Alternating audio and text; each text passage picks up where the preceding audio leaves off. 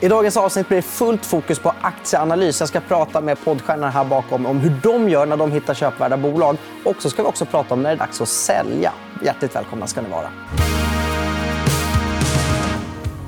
Då säger jag hjärtligt välkomna till tv-värmen till eh, poddstjärnorna jag har här. Vi börjar med att presentera Ola Brageborn, Kvalitetsaktiepodden. Välkommen hit. Tack, tack. Och eh, Magnus Skog från Aktiesnack. Välkommen hit. Tack så mycket.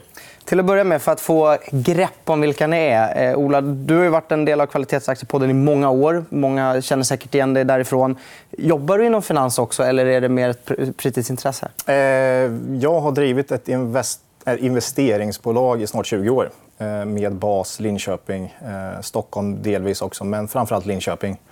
Och det är det som är mitt dagliga jobb. Mm. Hur kommer det sig att du startade det? Då? Eh, jag är civilingenjör i industriell ekonomi. Började som liksom ingenjör, men hoppade av efter tre år då jag fick möjligheten via min far som tyckte att eh, du är för bra på investeringar. Du ska, du ska jobba med det.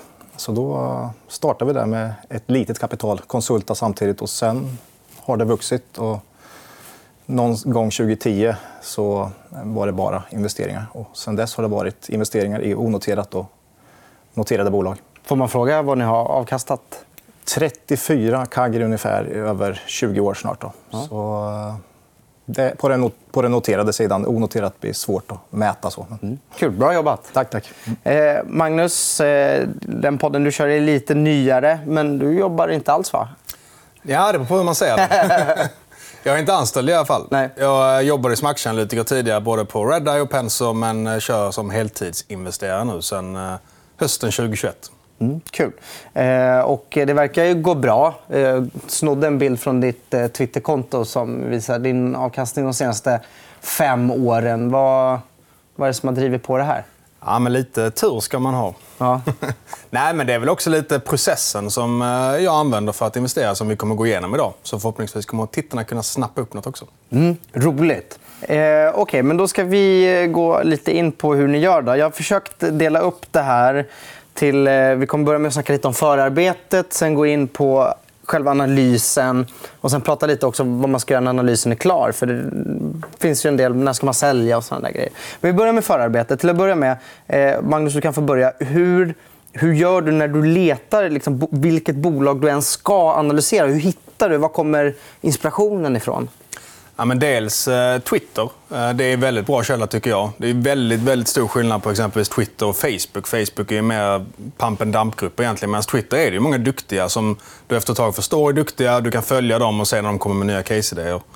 Sen eh, poddar och liknande är ett bra ställe att hitta inspiration till case. Sen så ska man ju såklart göra sin egen analys alltid. Det är väldigt viktigt att inte bara ta och köpa någonting för att någon annan säger det. Men det är en bra inspirationskälla tycker jag. Och sen slutligen, så jag gör ju det här på heltid. så att Jag lägger väldigt mycket tid på att kolla screeners. Med tiden så lär man sig ganska snabbt vilka bolag man inte vill ha. Så du kan ju på 30 sekunder förstå att de här har för mycket nettoskuld, de här har för dålig historik och så vidare. Så att eh, på den vägen är det helt enkelt. Jag kollar säkert på över 100 bolag per år. Mm. Hur är det för dig, Ola? Eh, vi har väl en lista på ungefär 100 bolag som vi följer väldigt nära. Så av dem kan man ju liksom alltid eh, fundera på om det är några som är intressanta liksom, värderingsmässigt för tillfället och, och i en bra verksamhetstrend. Liksom. Men sen är det ju... Mycket blir ju börslistor, eh, helt enkelt, och, och screeners. Eh, men även affärstidningar och, och poddar och så där såklart. Eh, vi får in mycket mejl till podden med superbra faktiskt. Kan inte kolla på... Och sen kollar man. Men som du säger, man kan ju sortera bort väldigt mycket på nästan ingen, ingen tid alls. Ju. Men eh, några kan man inte sortera bort. Så, så då får man liksom börja gräva lite. Då. Nej, men det är ju en väldig fördel idag hur många olika källor man har som man inte hade för bara 15 år sedan. Mm. Då fanns det inget Twitter, det fanns inte aktiepoddar och så vidare. Så att nu har man ju extremt stor mängd data att kunna gå igenom i alla fall. Mm. Kan det bli en nackdel också att det blir så mycket mer genomlyst? Det är svårare att få ett övertag? Ja, men, eh, delvis är det väl så, men jag tror ändå att eh, hur mycket information man själv får väger över det egentligen.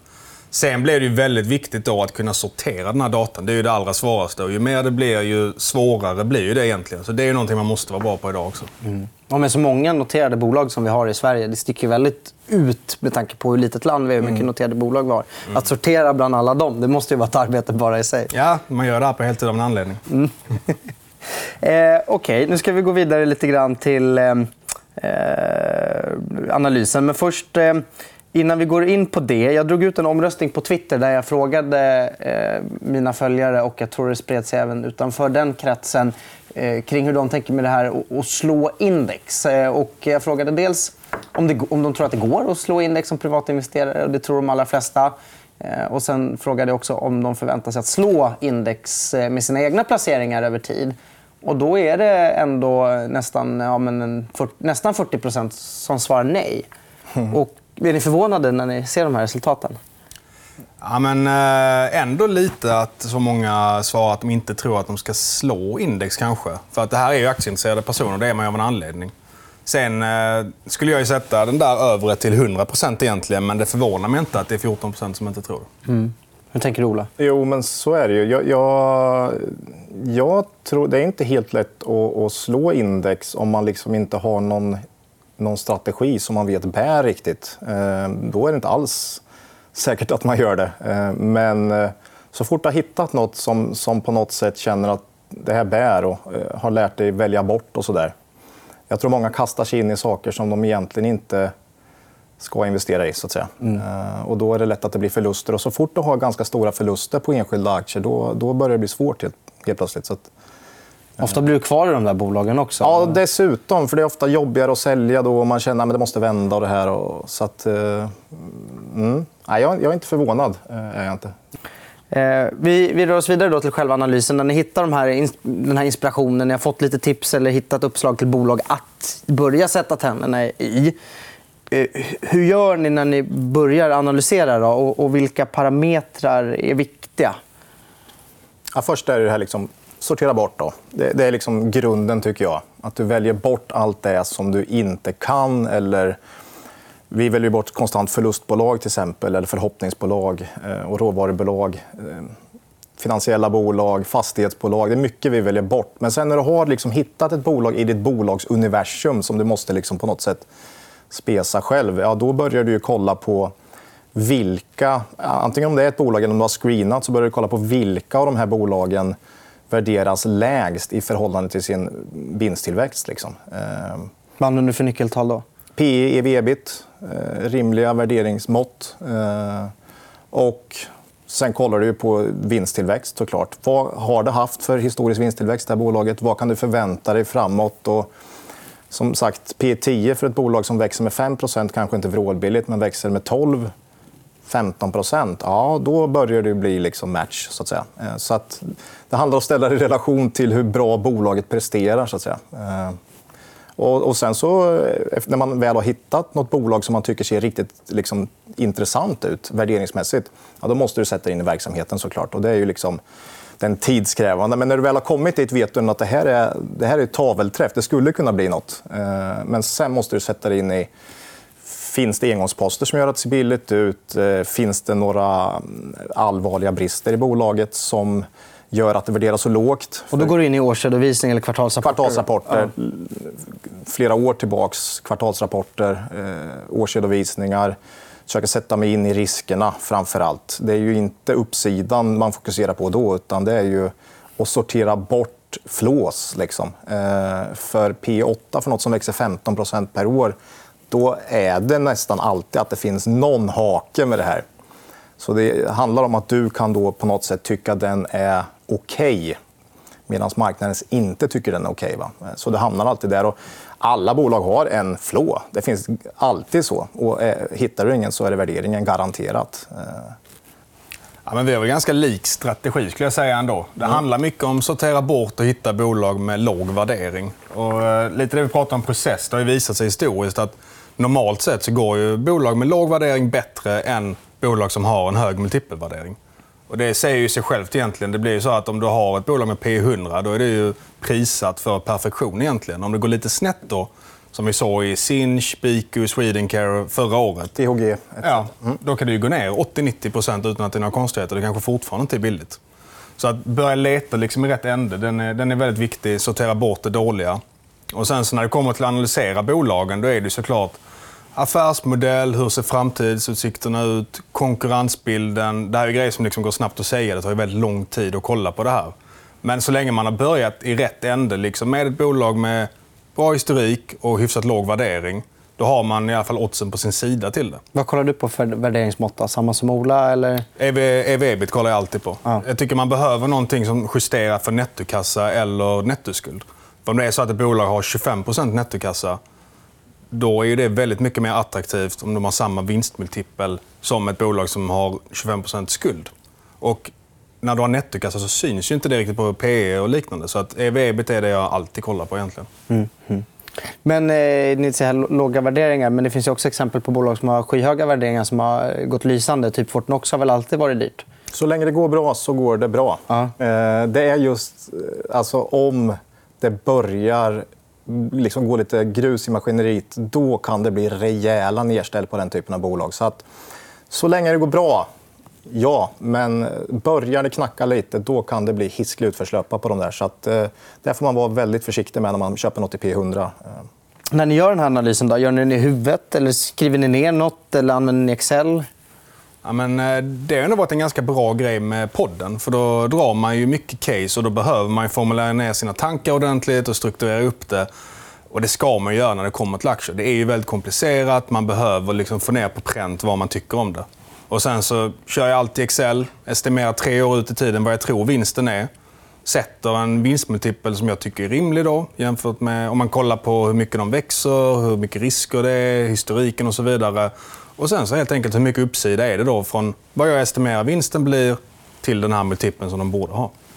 Hur är det Ola? Ja, väldigt lika. Excel. Eh, lägger in historik fem år tillbaka på kvartalsbasis. Eh, estimerar åtminstone ett år fram på kvartalsbasis och sen även något lite längre eh, vinstmått också, kanske ett par år fram i tiden. Då. Eh, och sätter vad jag tycker det är rimlig värdering på ett bolag som presterar på, som det här bolaget gör. Och sen får man se om marknaden är, är rätt ute eller, eller sådär. Har ni någon inspirationskälla när det gäller aktieanalys och analysstil och investeringsstil? Ja, Warren Buffett får jag säga. Det har alltid varit en stor förebild. Eh, varit över i Omaha också. Liksom sett hela den cirkusen och så här. Och Peter Lynch är väl de två stora. Eh, per H Börjesson såklart i Sverige och så. Men stabila, bra bolag eh, som du kan förstå hyggligt bra. Eh, eller i alla fall du tror kan förstå. Man, man, ibland har man ju, inser man att man inte har förstått. Då, men, eh, men eh, värdeinvestering eh, med tillväxt måste kopplas till det på något sätt. För när man gör fel det är ofta när man går på för mycket på värdering och för lite på eh, hur bolaget egentligen är i kvalitet. Då, eh, då kan man ju eh, hamna snett. Det är väl de gånger man hamnar snett. skulle jag säga. Eh, det är när man fastnar i någon form av value trap. Eh, Nej, men absolut. Och, uh, Lynch uh, tycker jag är jättebra, framförallt för nybörjare. Han är ju väldigt tydlig med förstå det du äger, hur man liksom ska tänka när man letar case och så vidare. Alltså, Buffett såklart, men jag gillar nästan Joel Greenblatt ännu mer. Ja, bra. han, han har också skrivit en bok som är väldigt lättläst. Magic är- Formula. Ja, exakt. Den lilla boken som slår marknaden. Och han hade ju fantastisk avkastning under eh, sin tid när han drev en hedgefond. Och han, eh, han var ju professor på Columbia också. Så att eh, Lynch och Greenblatt... Är... Howard Marks kan jag flika in där också, Ja. som eh, duktig. Kul. Eh, när är det dags att sälja? då? För det är, det är lätt att sitta här och snacka om hur man hittar köpvärda bolag. Men något som pratas väldigt lite om det är när det är dags att sälja. När säljer ni? Vad är det som får er att trycka på säljknappen? Ja, det är ju en, eh, en konst i sig, Ja. men eh, två grejer egentligen. Jag har ju normalt sett en tes om vad som ska spelas ut närmaste året eller åren. Om det då kommer en nyhet och sen visar sig att den tesen var fel, då säljer jag även om aktien skulle vara ner 20% på en dålig nyhet. Det är ett nybörjarmisstag många gör, att då tänker man att nu blir aktien billig för att det har gått ner 20% Men om tesen inte spelar ut sig, det kommer en dålig nyhet, det kommer ofta mer dåliga nyheter då. Då är det bättre att gå på ett annat case. Eller om aktien blir för dyr helt enkelt. Och det gör ju att man kan missa vissa superuppgångar. Som jag sålde Hexatronic och sen gick den 300% efter det. Men eh, man tar ju samtidigt och minimerar risken. Det är ju det viktiga med att sälja när värderingen blir för hög. För att om en aktie går ner, då vill jag kunna känna jag vill köpa mer. Jag vill inte känna att jag borde ha sålt där uppe på toppen. Mm.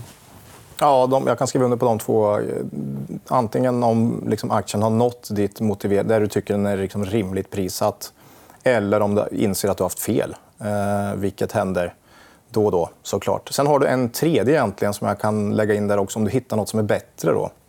Då kan man faktiskt sälja. Om du inte har någon kassa och hittar nåt som är klart bättre än ett bolag i portföljen så kan du sälja även om du tycker det är ett, ett bra bolag till en bra värdering. Eh, så där har du en tredje. Och det, det, är många som har lite svårt för det. Men hur kan du sälja det här? Tycker du, ah, men jag, det här tycker jag ändå det finns. Det här är ett bättre case.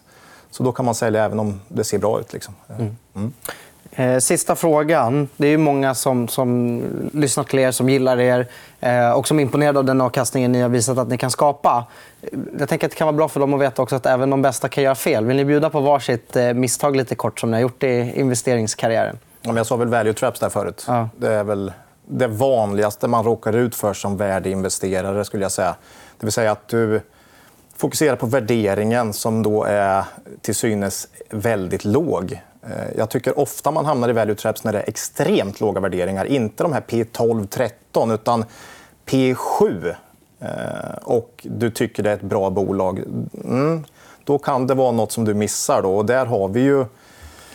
Ja, vad ska vi ta för exempel där? Man kan väl ta NGS till exempel. NGS Group som eh, har varit väldigt lågt värderat under lång tid. Det är ju sjuksköterskebemanning och annan typ av bemanning, en konkurrent till Dedicare egentligen. Som eh, ja, inte har haft samma utveckling som Dedicare. Har varit, eh, haft en sämre utveckling, men det såg lägre värderat ut. Men det skulle vara det också, bevisligen. Så att, det är väl ett exempel. Men Lammhults har vi varit inne i. Har också haft svårt att... Och P7, 8 men aldrig liksom kommer igång. så att säga. Utan det är alltid det blir aldrig bättre, så att säga. Eh, snarare sämre. Då. Eh, Pandora vet jag 2015 16 såg extremt lågt värderat ut på 600 spänn, gick till 300. Så mm, mm, det är value trap, skulle jag säga. Mm. Och, det händer. Det är den stora risken, egentligen, tycker jag, som värdeinvesterare. Mm. Har du sprungit in i några misstag? Definitivt. det är viktigt att ha med sig att man tar ju hela tiden och har fel om aktier. Du har ju inte inside information, så det är bara gissningar man gör egentligen. Kvalificerade gissningar och de går ju ofta fel. Vi pratade om Lynch innan när han sa ju det att har du rätt 6 av 10 gånger då är det förmodligen mycket mm. bättre än snittet. Och det stämmer ju. Så att ibland kan det bli att det är flera grejer som går emot en månad efter månad. Att man har lite oflyt att det sker på en rad. Men då gäller det liksom att lyfta blicken och kämpa på för att det kommer ju komma vändningar. Och exempel på misstag. Förhoppningsbolag Eh, kanske inte lika mycket nu, men det tog ett tag att lära sig att eh, det är väldigt sällan det blir som management säger att det ska bli. Så att lita inte på management när de är riktigt långt från lönsamhet. Det, det är ett råd jag kan ge till, eh, till alla. Och sen också en grej som Lynch också pratar om, det är det här med känn till det du äger. Förstå det verkligen. För det är väldigt vanligt att man köper någonting som till exempel inom AI för att man tror att det är framtiden. Men det är mycket bättre att förstå ett lite tråkigare bolag ordentligt än att försöka hoppa på en ny trend. Så att, eh, för något år sedan så var det en eh, eh, person som jag känner som är väldigt duktig inom biotech som eh, pitchade Caliditas till exempel. Jag tyckte tesen lät väldigt bra. Men jag förstod ju inte biotech egentligen. Det är någonting jag aldrig investerar i. Så att jag investerade i det. Det gick inte superbra. Och så sålde jag och sen, så, sen dess har aktien gått upp. Men det är för att jag vågade inte hålla i för att jag inte förstod det. Så det är en lärdom där också definitivt. Mm. Så risken ibland med att inte förstå det, det är att även om det kanske är bra så man har inte tillräcklig conviction så man ger upp? Exakt, för när det går ner då känns det dåligt. Mm. Ja, det är kanske, framför allt, om du inte riktigt förstår eller har koll så är det framför allt när det går ner tycker jag som du har riktigt svårt att, att, att, att våga hänga i, kanske köpa mer. Det vågar du inte om du inte vet vad du har köpt riktigt. Eh, för Då funderar du på oj, herregud, vad händer här? Liksom? Eh, har jag... Eh, går det så dåligt? Nej, du kanske... har du koll så vet du att antingen det här är ett allmänt börsras eller att... Ja, konstigt, men jag hittar inga, inga fel här. Liksom. Så. Mm, kul. Hjärtligt tack för att ni kom hit, Magnus Skog och Ola Brageborn. Stort tack. Tack. Kul. Och det var allt vi hade att bjuda på i dagens avsnitt. Om du har tittat via Youtube, tryck gärna på prenumerera-knappen och en tumme upp. Det hjälper oss att nå fler. Ta hand om er. Hej då! Du har lyssnat på EFN Marknad, en podd som produceras av EFN Ekonomikanalen. Du hittar programmet även i videoformat på Youtube och på efn.se. Kom ihåg att prenumerera på podden och följ oss gärna på Instagram för fler aktietips. Där heter vi EFN Aktiekoll. Ansvarig utgivare är Anna Fagerström.